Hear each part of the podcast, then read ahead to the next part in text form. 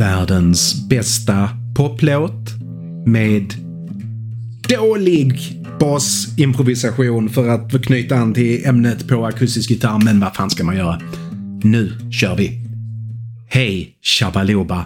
Jag är Nils Karlsson. Det här är världens bästa poplåt om världens bästa poplåt och i den här åttonde omgången pratar jag om låtar som egentligen är helt omöjliga men som ändå fungerar och blir bäst i hela världen. Det kan vara sångtexter som inte ens var okej okay när de borde stått i vägen för fantastiskhet. Det kan vara att låten är ett brutalt plagiat. Det kan vara att de sexuella tvetydigheterna är alldeles för mycket och alla fattar att det inte är en raket i din ficka som du vill att tösen ska klämma på Paul. Alla fattar det. Det kan vara ett vansinnigt riff, det kan vara en galen tonart, en omöjlig taktart, en äcklig stämma.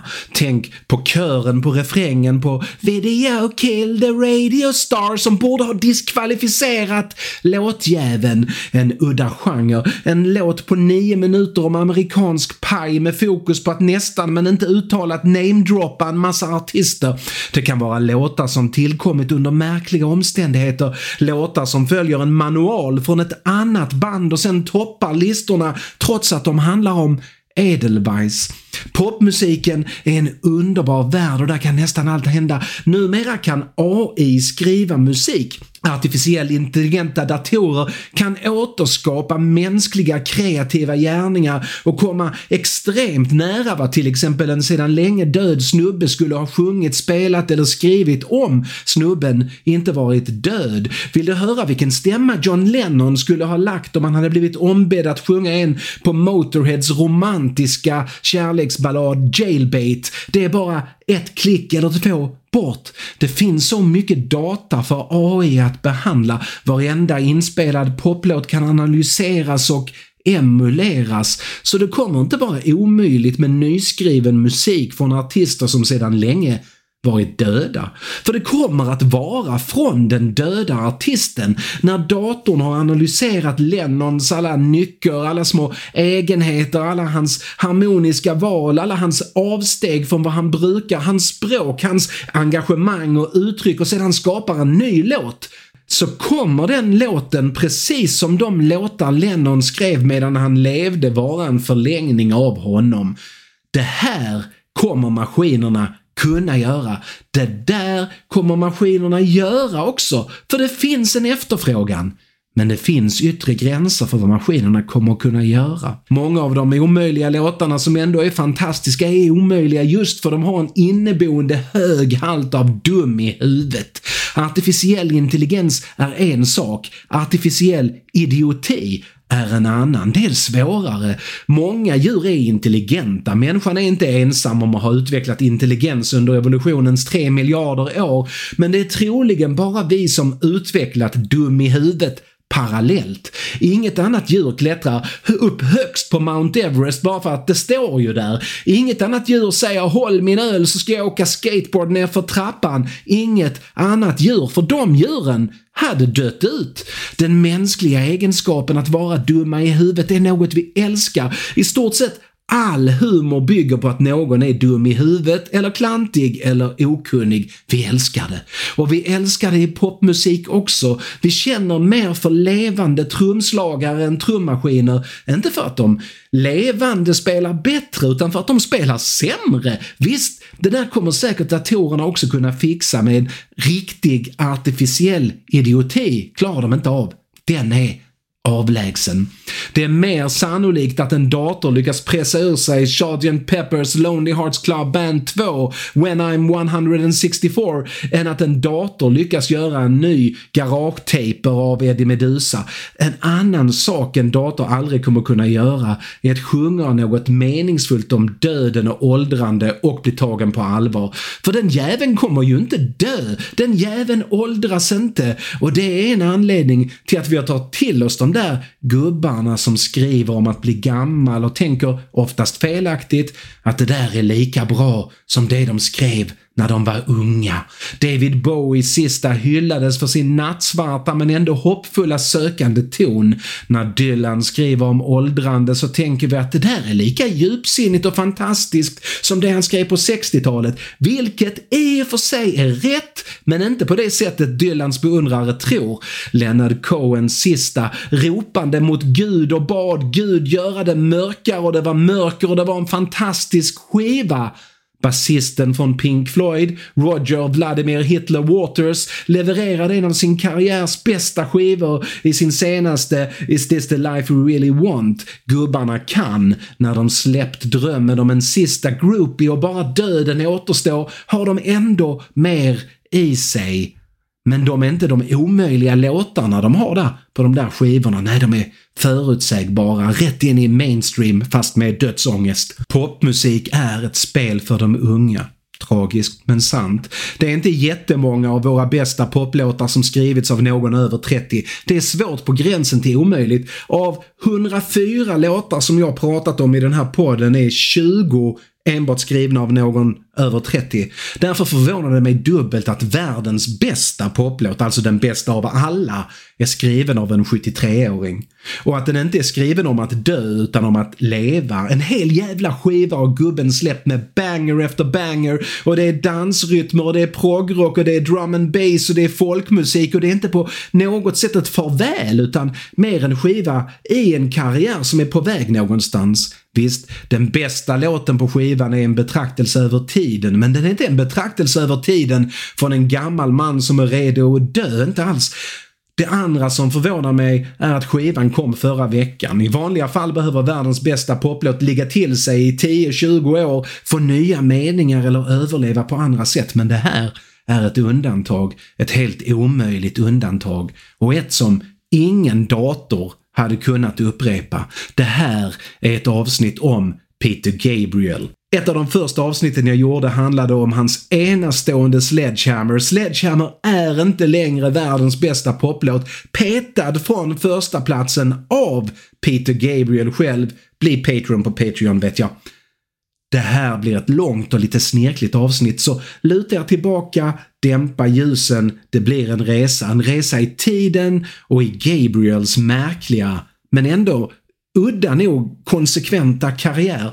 Vi börjar med en resa till England, till London. Peter Gabriel växer upp i London och han börjar med det 1950. Hans familj har pengar, new money som man säger. Den översta medelklassen i London på 50-talet hade inte tillträde till de finaste salongerna där adeln och godsägarna hängde. Men familjen Gabriels mor och farföräldrar balanserade på gränsen eftersom de hade lagt grunden för förmögenheten hundra år tidigare och började man tjäna pengar på 1800-talet så började man bli lite okej okay på 1950-talet.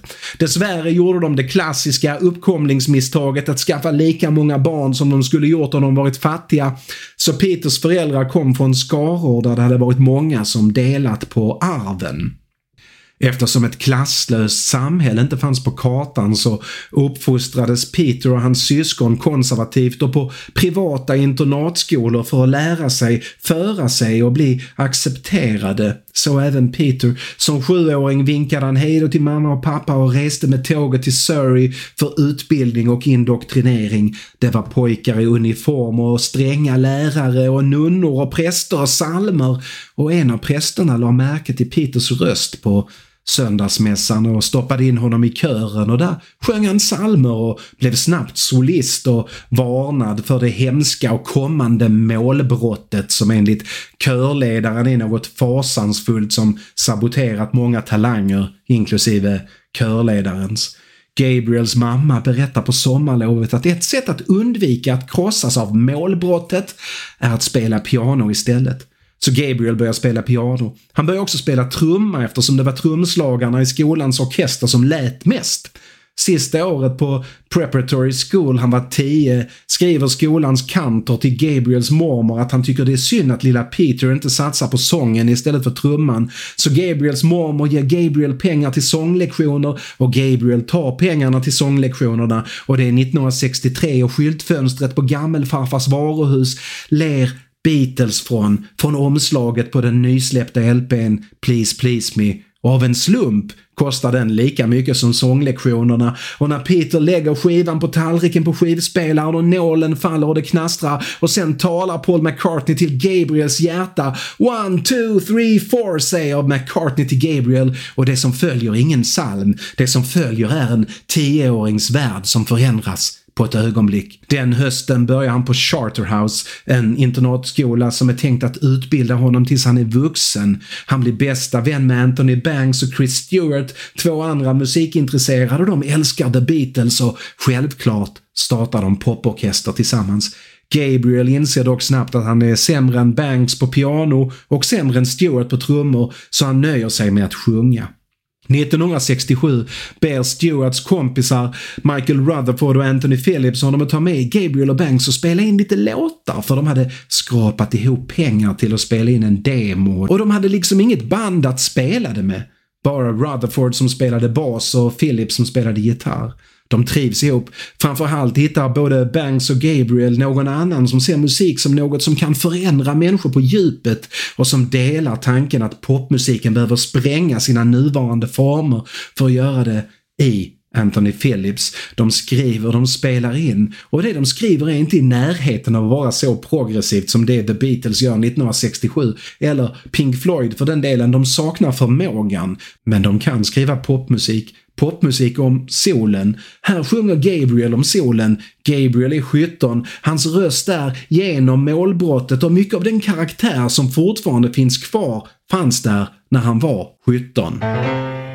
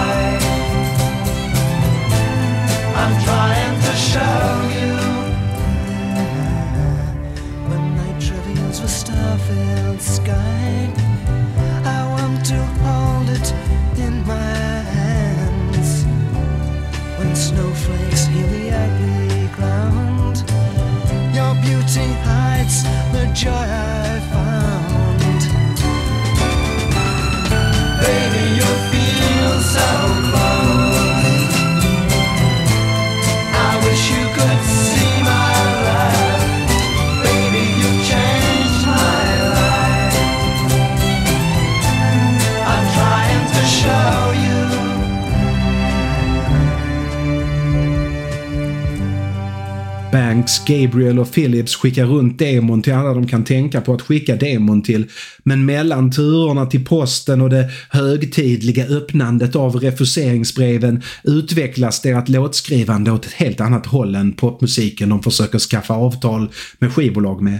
Rutherford skaffar sig en tolvsträngad gitarr och horisonterna vidgas och låtarna blir längre och betydligt mer inspirerade av folkmusik och klassisk musik än av radiopop eller ens psykedelisk progressiv rockmusik. Det senare är de alldeles för fyrkantiga för. Här tappar de Stewart som en dag inser att hans kall är att vara jordbrukare och inte trumslagare. Det slutgiltiga upproret för en ung man i lägre skicket av lågadeln. Bland annat för att hans familj inte ägde någon mark att bruka. Han ger sig iväg. Den första Exodus från popgruppen. Ah, ha ha ha ha teologisk ordvits. Teologiska ordvitsar är lika dåliga som andra ordvitsar, men gudomliga! För er som inte fattar skämtet så är det roliga att andra Mosebok heter Exodus och handlar om det judiska folkets flykt från Egypten, men den första Moseboken heter Genesis och det heter numera Gabriel och grabbarnas poporkester också. Det är det som står på kassetterna de skickar runt för unga män på privat internatskola så signalerar namnet Genesis fritt skapande och uppfinning. Stewart flyttar sedermera till Spanien och skriver böcker om att tänka positivt och välja glädjen. Så han är en av de onda människorna i vår existens. Det finns inget gott när någon jävel säger till oss att välja glädjen, för den människan som säger det till oss är vår fiende. Men Stuarts inflytande på Genesis är borta. Låt honom odla sina citroner i fred. Genesis uppträder på skolan och sen på pubbar och ungdomsklubbar runt om i Surrey och någon gång lyckas de till och med få en spelning på någon tebjudning inne i London. Gabriel känner sig inte helt bekväm som sångare och då och då flöjtist så han börjar spela sångare som någon sorts rollfigur istället för som en identitet och då börjar det lossna ordentligt. Han lever ut och publiken lever ut tillsammans med honom. Det är i det mesta ett helt annat band än det där som ett år tidigare spelade in den där demotypen som bestämmer sig för att ge den en sista chans. När de hör på radio att killen på topplistans topp också är en elev från Charterhouse, i alla fall en före detta elev. En sån där vuxen människa. Han heter Jonathan King och han är värd ett sidospår eftersom han också är en helt omöjlig artist som fått hittar med helt omöjliga låtar och som dessutom var så omöjlig att han trots 40 miljoner sålda skivor ändå mest är ihågkommen för att ha gjort sig omöjlig. Inte ens hans mest kända bidrag till pophistorien är det han som är ihågkommen för. Ja, han är också ihågkommen för att han 2001 fälldes för att ha begått sexuella övergrepp mot fyra pojkar som var mellan 14 och 17 när övergreppen inträffade 1983. Ett av fallen ska enligt domen varit en regelrätt våldtäkt och de andra det som i England kallas buggery. Han dömdes till sju års fängelse. Året efter åtalades han för fler övergrepp. Dessa skulle ha inträffat på 70-talet men frikändes för samtliga eftersom brottsoffren varit över 18 och flera av dem sa att de hade samtyckt och några av dem påstod sig att inte ens ha hört talas om eller träffat King. Detta ledde i sin tur till att den första rättegången ifrågasattes vilket i sin tur ledde till konstaterandet att det där med att bygga domar enbart på förträngda minnen av händelser för 20 år sedan utan annan stödbevisning än den en och samma psykolog som när han tvingades sluta fick Surrey-polisens uppklarningshalt för när det gäller sexbrott att sjunka från makalösa 30% till mer pinsamma 4%. 2018 åtalades King igen och det ledde till att domaren från sin bänk sa att åtalets kvalitet fick henne att tvivla på att det engelska rättssystemet någonsin fungerat eftersom så mycket av bevisningen helt uppenbart var påhittad eller planterad av polisen som helt enkelt var led by severely bigoted homophobic persons. Detta gör inte att den där våldtäkten som faktiskt fanns bevisning för och vittnen inte hände. Att King själv inte minns 14-åringen medger han själv kan ha berott på drogerna och att även om han vanligtvis inte dras till unga pojkar, han är mer en björnkille, så är det inte omöjligt. Han sitter i vittnesbåset och säger att han inte vet jag kan ha gjort det där mot dig. Han avtjänade två och ett halvt år för det. Efter fängelset blev King något av en rättshaverist och började skriva låtar om oskyldigt dömda britter och om hur falsk Bob Geldof är. Men som sagt, det är inte musiken om Geldof vi minns när vi minns Jonathan Kings låtar, även om den där Geldof-dängan The Geldof Principle Do You Really Care skriven till Geldofs Live Aid Revival Live 8 men som Geldof av någon anledning inte tyckte passade på scen även om King lovade att komma med en hel amatörkör på 20 man för att ge den extra kraft. Nej, Geldof sa Nej. Nej, för de flesta är Kings musik en märklig rytmisk sång som hamnade etta på Billboard-listan och för musiknördar möjligen att han 1987 blev så arg på att Pet Shop Boys fick en jättehit med It's a Sin som King upplevde var en brutal låtstöld från Kings kompis Cat Stevens, att han spelade in en cover på Cat Stevens Wild World för att bevisa att Pet Shop Boys skulle stulit den, varefter Pet Shop Boys anmäler King för upphovsrättsbrott och vinner. Så kan det gå.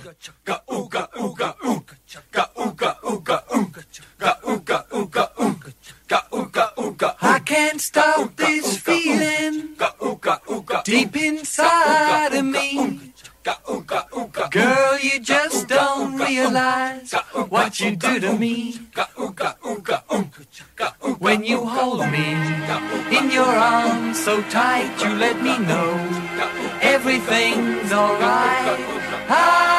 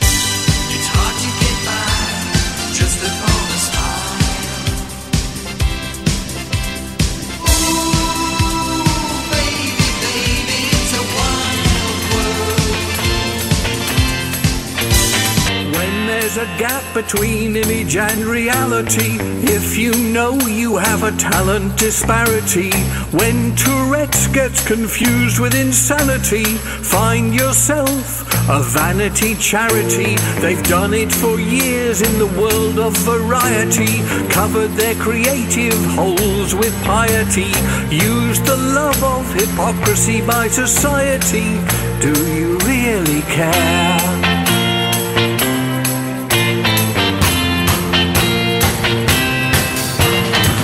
Spice up the platitudes with obscenity. Solve all the problems by saying what's meant to be. You can abscond with the deal of the century just by convincing the world of sincerity.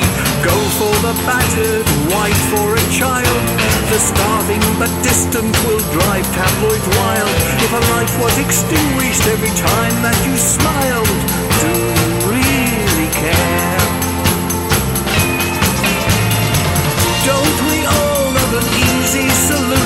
deflect our consciences and grant absolution? If a million still die in the media confusion,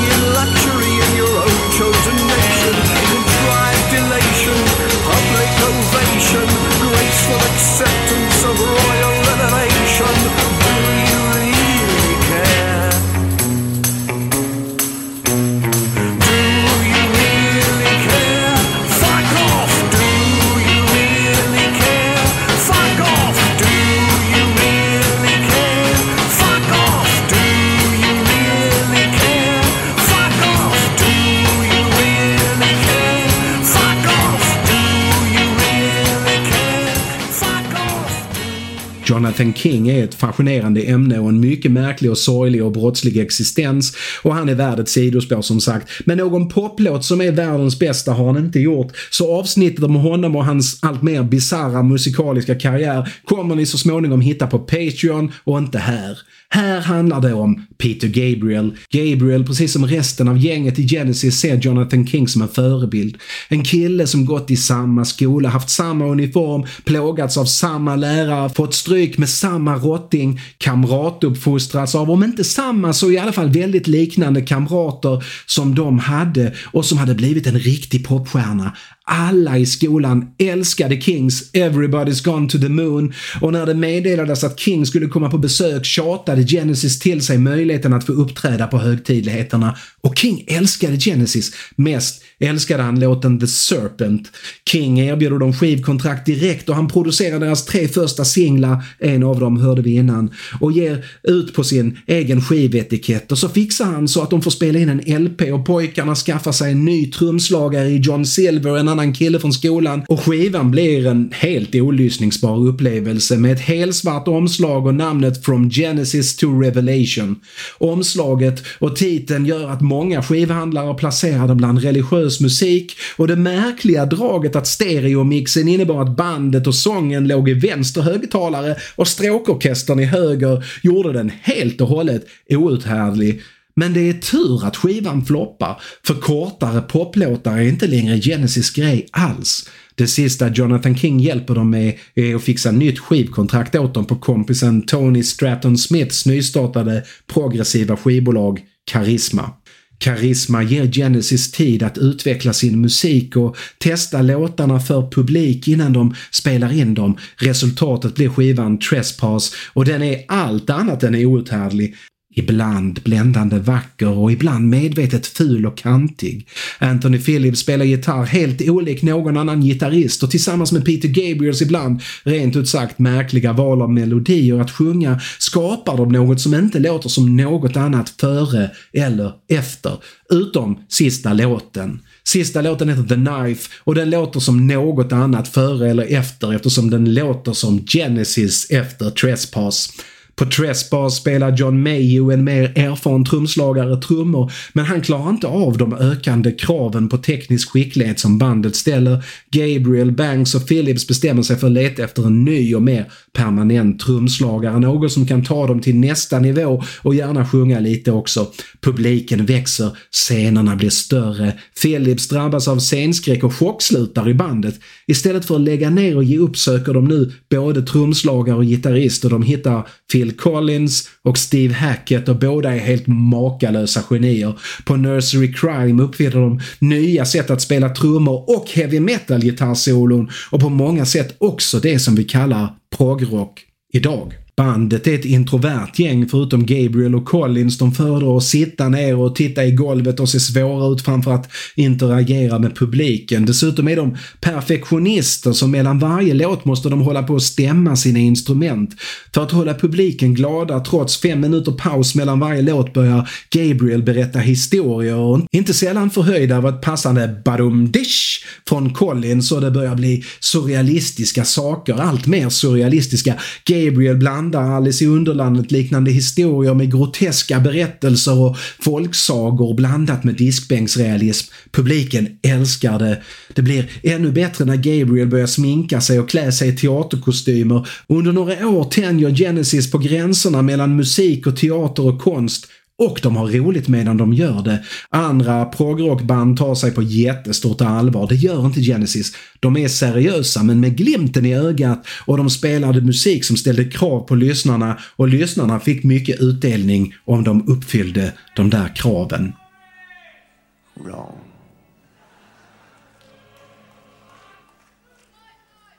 We now like to take you into the English Channel, where it's cold and wet. And a lady sits in the middle wearing this strange garment. Oops.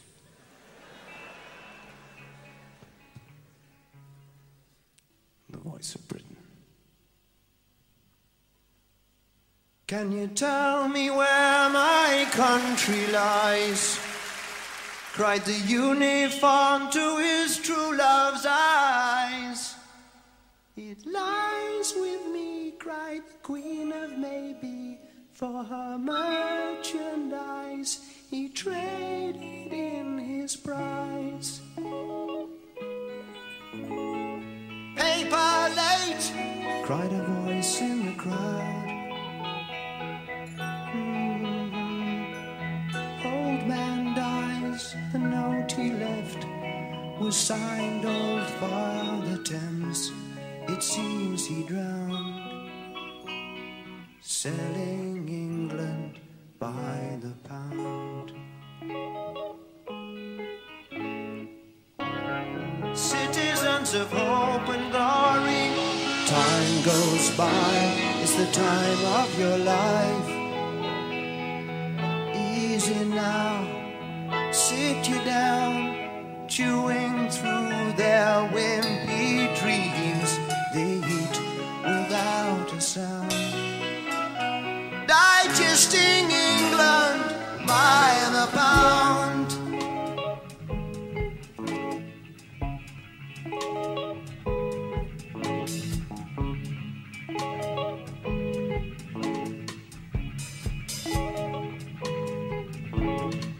Young man says you are what you eat, eat well. Man says you are what you wear, well, well. You know what you are, you don't give a damn. Bursting your belt, that is your homemade sham. The captain leads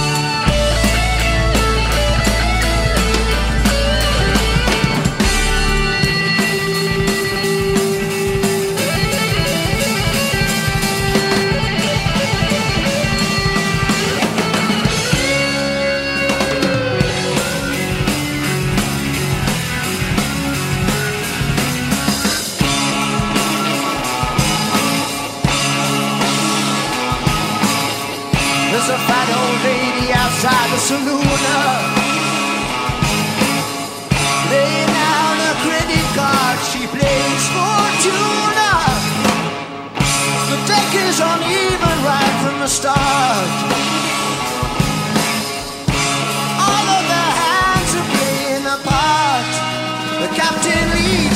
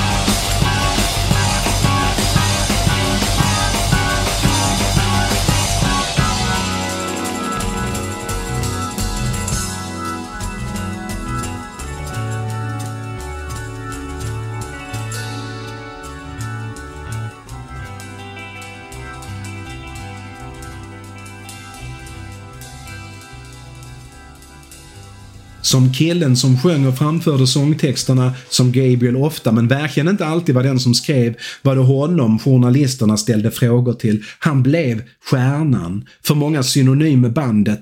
Det blir besvärande både för Gabriel och de andra och Gabriel börjar bli rastlös. Efter tre skivor med Genesis prog, förutom Nursery Crime har vi Foxtrot och Selling England by the Pound, känner inte Gabriel att progrocken är revolutionerande och progressiv längre. Han börjar drömma om andra uttryck. Han vill utveckla skrivandet, göra film, romaner, pjäser. Inför nästa skiva bestämmer han att han måste skriva alla texterna och de ska följa en filmisk berättelse. Skivan The Lamb Lies Down on Broadway blir en dubbelskiva och ska man bara höra en enda Genesis-skiva i sitt liv så är det den, för den är närmast en perfekt progrockskiva. Under inspelningarna får Gabriel barn, barnet föds för tidigt och kräver sjukhusvård dygnet runt och Gabriel vill vara där men ingen av de andra i bandet har barn och de har ingen som helst förståelse för att Gabriel inte vill repetera progrock 12 timmar om dygnet konstnärligt fångade Genesis, socialt fångade Genesis. Tony Banks och Michael Rutherford är hans äldsta vänner och Phil Collins hans bästa. Ekonomiskt fångade Genesis eftersom det är den enda inkomsten han har. Det brister. Han klättrar upp på kullen med hästfornlämning i Salisbury och äter lite svampar som växer på marken och det är något ni absolut inte får göra själva eftersom narkotiska substanser bara leder till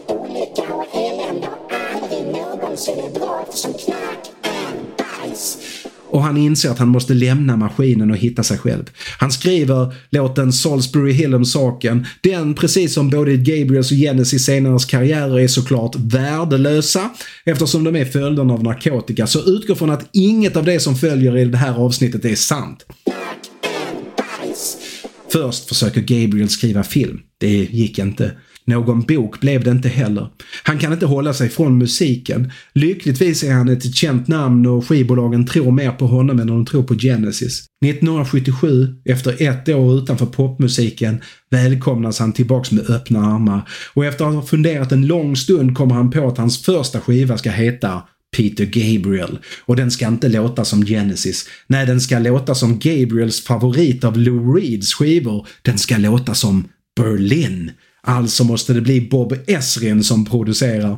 Esrin är en skicklig producent. Han är mannen bakom Alice Coopers bästa skivor, mannen bakom soloartisten Alice Coopers bästa skivor. Han producerade Pink Floyds The Wall och Kiss Destroyer. Hans egenhet på 70-talet var att han höll sig med sina egna musiker kring studion i Toronto. Det gör att Bob Esrins skivor från 1970-talet ofta låter betydligt mer som Bob Esrins andra skivor från 70-talet än som den artist han för tillfället producerade.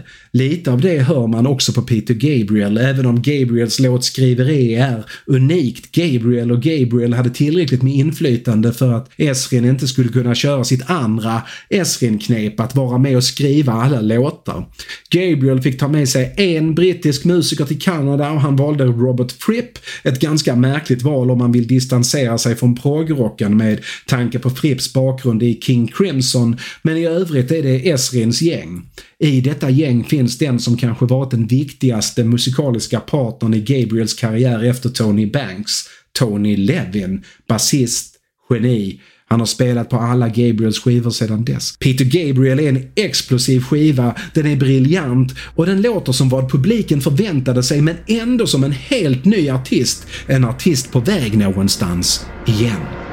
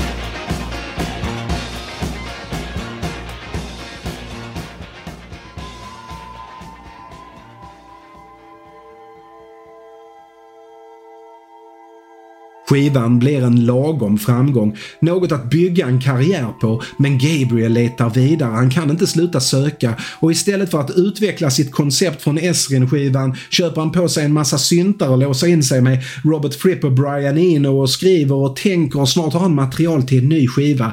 Det är experimentellt, det är meditativt och utan några låtar som passar att släppa på singel. Efter att ha funderat en lång stund kommer Gabriel fram till att skivan borde heta Peter Gabriel och Peter Gabriel blir inte den framgång som förra skivan blev, även om den fick ett långt liv som den skiva stereonördar använde för att visa hur mäktigt manliga deras anläggningar var innan Dire Straits släppte Brothers in Arms och mutade in den funktionen för all framtid. Dags för en tredje skiva då. Den här gången får den heta Peter Gabriel och här gör Peter Gabriel något som måste varit extremt listigt och avancerat. I alla fall om vi får lita på ljudmixaren Bob Clearmountain. Clearmountain är mannen bakom Bruce Springsteens ljud på skivorna. Han brukar få, både av sig själv och andra, äran för att ha uppfunnit 80-talsvirveltrumman när han mixade Born in the USA. Han komprimerade ljudet, klipper av frekvenser och skapar på det viset ett enormt virvelljud som sedan alla som ville låta vettiga på 80-talet lät som. Det är möjligt att han uppfann ljudet och att Peter Gabriel och Phil Collins bara snodde det rakt av, men de maskerade i så fall sin stöld väldigt väl genom att dels göra ljudet bra och dels göra det flera år före Clear Mountain. 1980 släpps syntexperimentella Peter Gabriel och nu har vi singlar igen. Både syntpoppiga Games Without Frontiers och lysande Biko spelas flitigt på radio. Men som mest inflytelserik måste vi ändå räkna inledande Intruder. Den skulle kunna ha varit årets stora hit om det inte vore för att Collins fått för sig att släppa eget han också och krossade allt motstånd på listorna med In the air tonight. Det är en bra låt och Face Value är en bra skiva men det var på Peter Gabriel Collins var som bäst.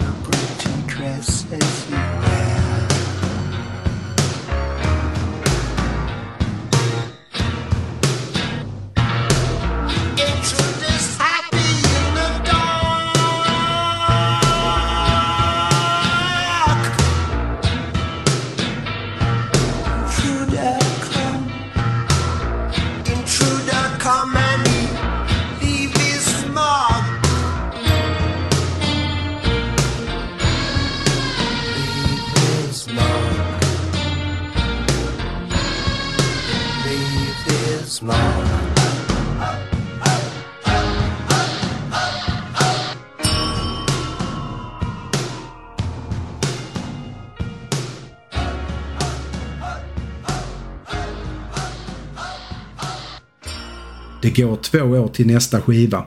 Och eftersom låten Biko blev så spelad och Biko handlade om Steve Biko, en, en sydafrikansk apartheidmotståndare som drev en stenhård icke-våldskampanj och därför blev ihjälslagen av polisen i Pretoria, så blir Gabriel inbjuden till Sydafrika av delar av motståndsrörelsen som inte tror på våld som svar på förtrycket och där upptäcker han en helt ny värld av musik.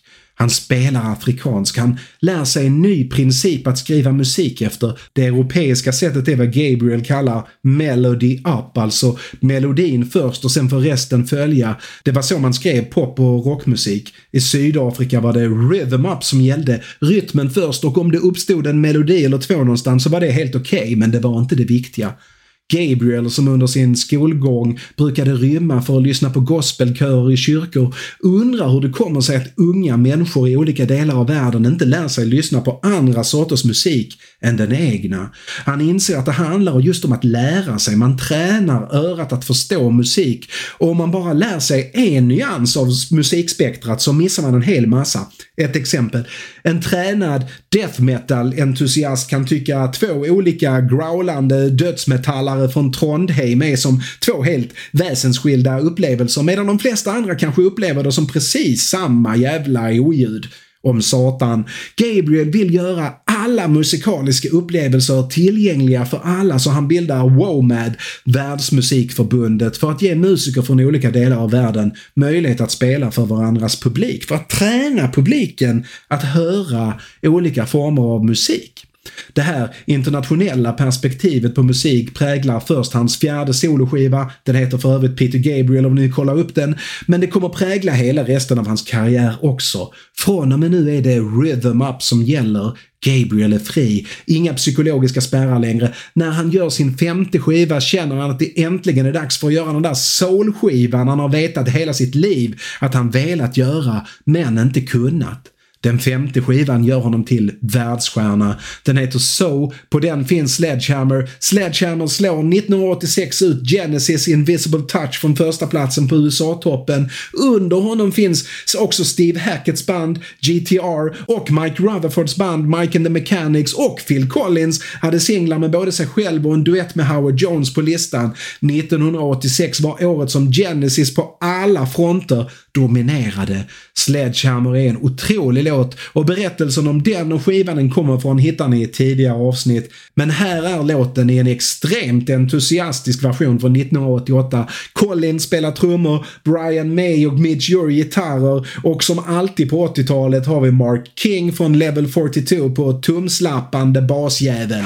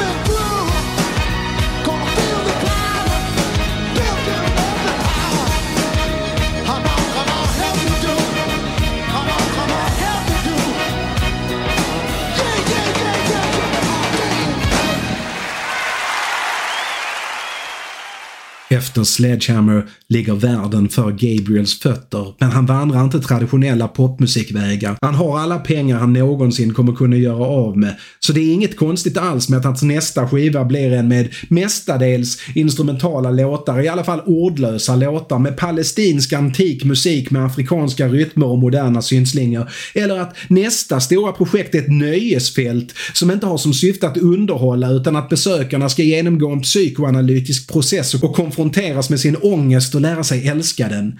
Och utan karuseller förstås. Han bygger en studio som han hyr ut eller lånar ut enbart till artister han tycker gör något ingen annan gjort tidigare. Hans engagemang i världsmusik och mot apartheid får andra artister tro att han är en i Geldof-gänget som gör löpande bandvälgörenhetsgig men det intresserar inte Gabriel det minsta.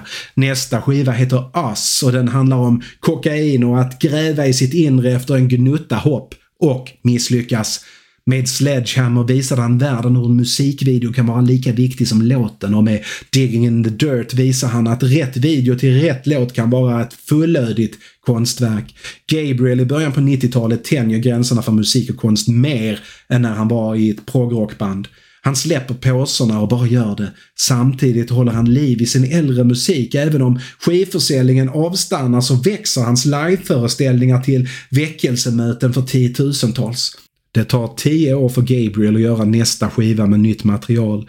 Us kom 1992 och Up 2002 och på Up är det en Gabriel som för tillfället är färdigt med att psykoanalysera och dissekera sig själv som sjunger för oss.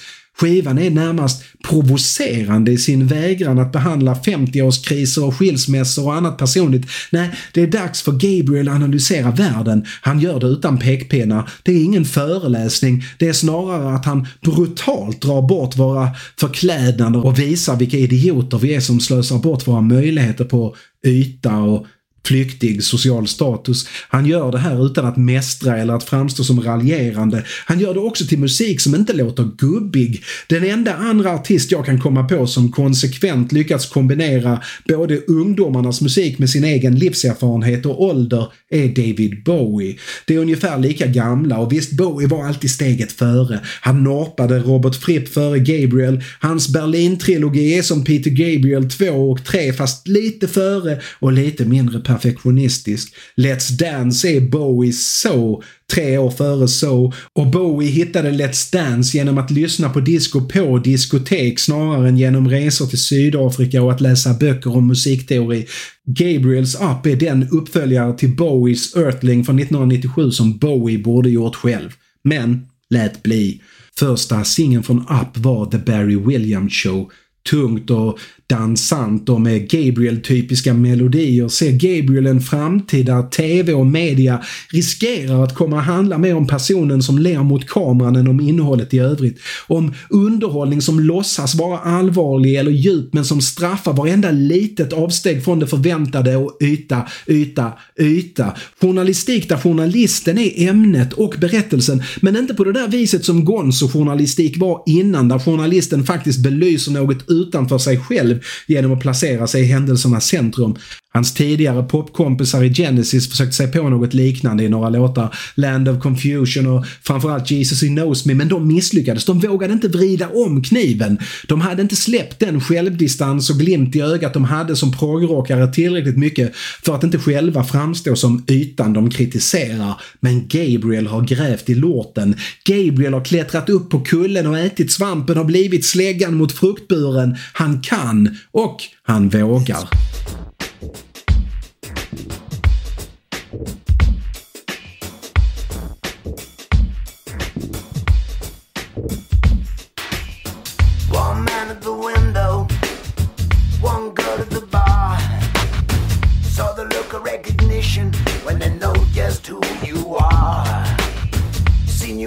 TV, I seen you on that show.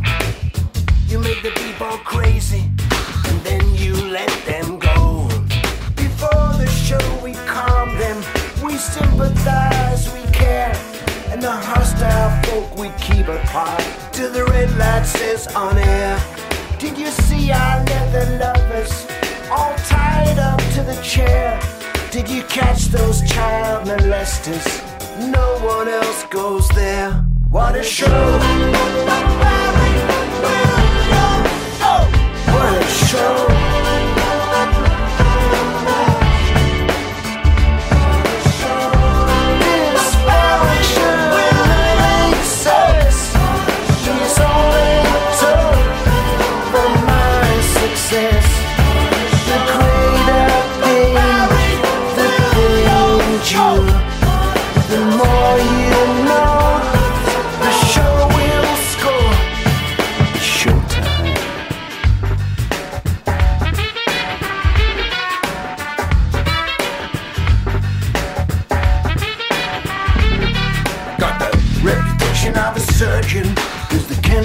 feel the cut.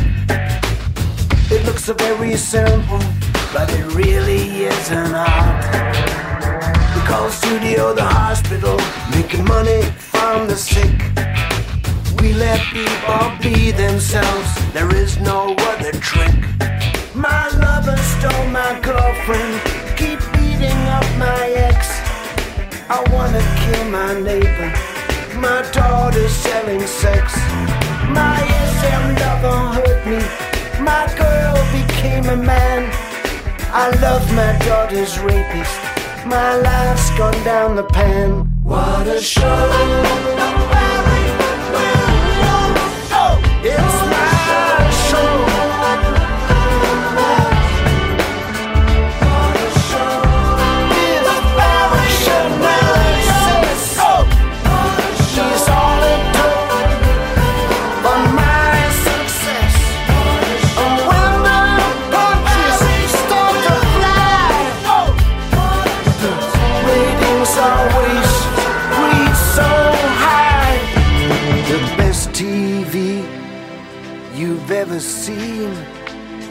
where people say the things that they really mean. I hear my name, I hear them roar. For the one more time, I take the floor. Just one more Barry Williams show. We're gonna take you where you want to go. Showtime!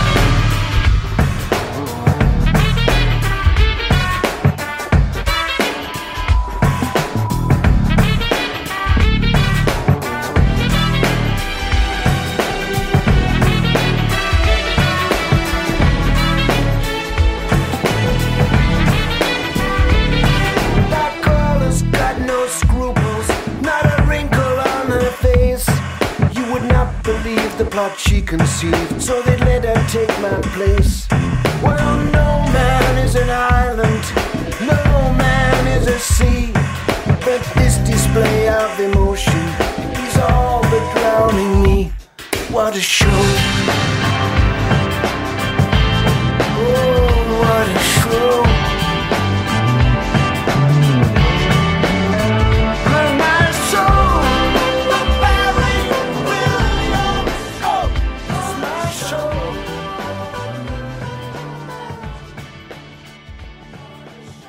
det var för 21 år sedan. Det dröjde tills alldeles nyss innan Gabriel släppte en ny skiva med nytt material som inte var ett soundtrack till någon film eller en liveskiva. Han hade varit upptagen med annat, som till exempel ett havererat projekt där han skulle spela in versioner av andras låtar och de andra skulle i gengäld spela in hans låtar. Det föll på att det är i stort sett omöjligt att spela in Gabriels låtar utan att de blir markant sämre. Det är få artister som har den egenskapen att det är närmast omöjligt att göra covers. De, de flesta artister är bättre än eventuella senare tolkare, men de är i alla fall inte omöjliga. Det vette fan om inte Peter Gabriel kommer för alltid vara omöjlig, till och med för en artificiell intelligens, att göra om. Det blir lite orkestermusik också, så turnéer och att hänga på landet och lukta på fälten och förbättra studion och att bara stanna upp och andas och leva och kasta en pinne till en hund och så hämtar hunden pinnen och så kommer hunden tillbaka med pinnen och så kastar man den igen. Långsamt börjar han höra små snuttar musik igen, liksom för sina inre öron.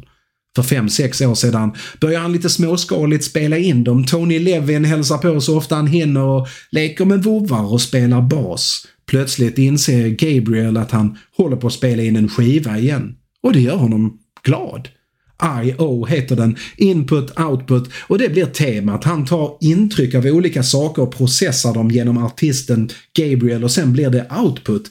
I.O. är ett mästerverk. Det är otvunget och lekfullt utan att bli löjligt. Gabriels musik har alltid handlat om att ta lyssnaren på allvar och att vi tar honom på allvar. Men när vi gör det, när vi har det ömsesidiga förtroendet för varandra, så har vi riktigt roligt ihop. Eftersom Gabriel som 73-åring inte har något behov av eller lust att göra som alla andra så släpper han helt enkelt alla låtar på skivan på singel. De släpps vid fullmåne, för varför inte? Och så släpper han skivan i två versioner, en Brightside-skiva och en Darkside-skiva. Samma låtar i olika, ibland väldigt lika får man erkänna, mixar med olika ton så kan man lyssna på den som passar ens humör för tillfället. Jag rekommenderar att man börjar med Brightside, men det är kanske för att jag är en glad skåning som inte tilltalas av det vemod som vilar över Sverige norr om Hallandsåsen, där det bara bor drakar och gotrockare. Gillar ni mörkret så lyssna på den mörka versionen av 2023s bästa skiva.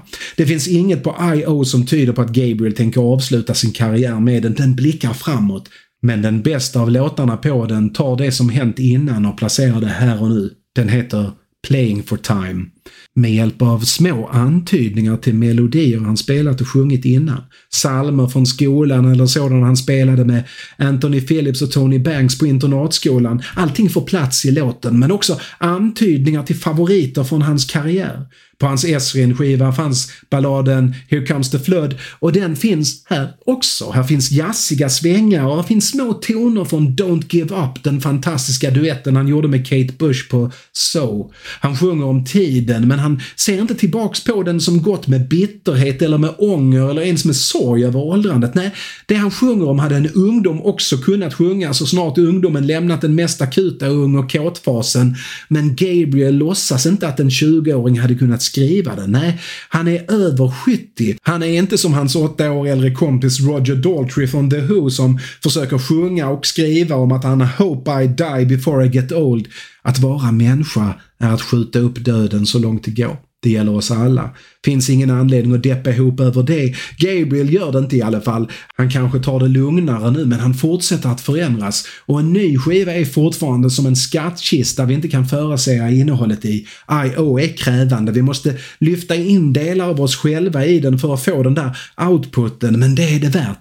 Gabriel vill leka med oss, så det är klart vi ska leka med honom. Vi ska bara, på grund av anledningar som den som vet, vet, vara försiktiga om han föreslår ett parti krocket.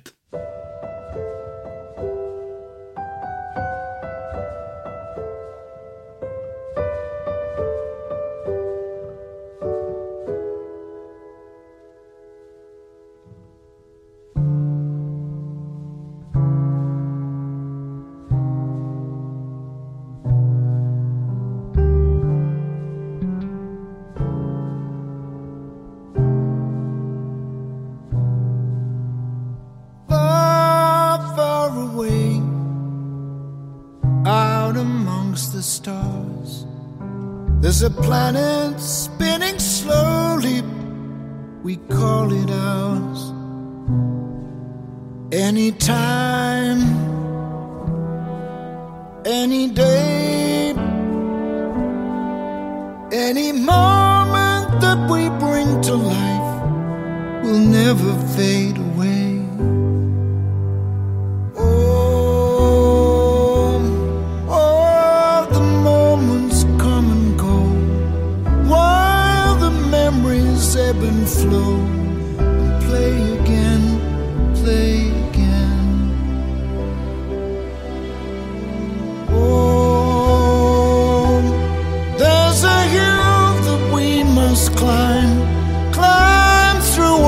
the mist of time. It's all in here, what we've been through. Down, I'm getting it down, sorting it out. So everything I care about is held in here.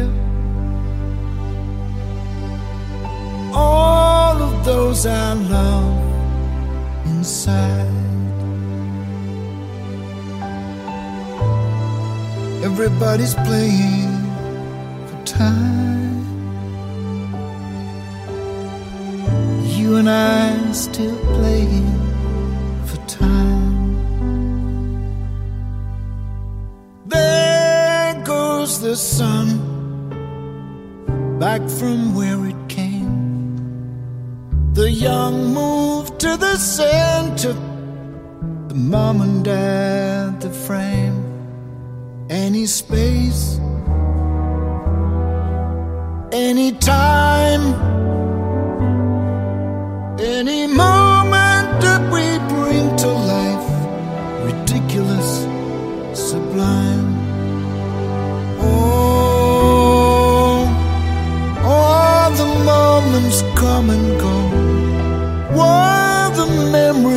ebb and flow and play again, play again.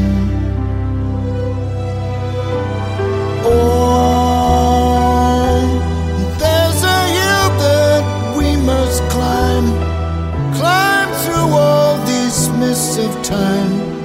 It's all in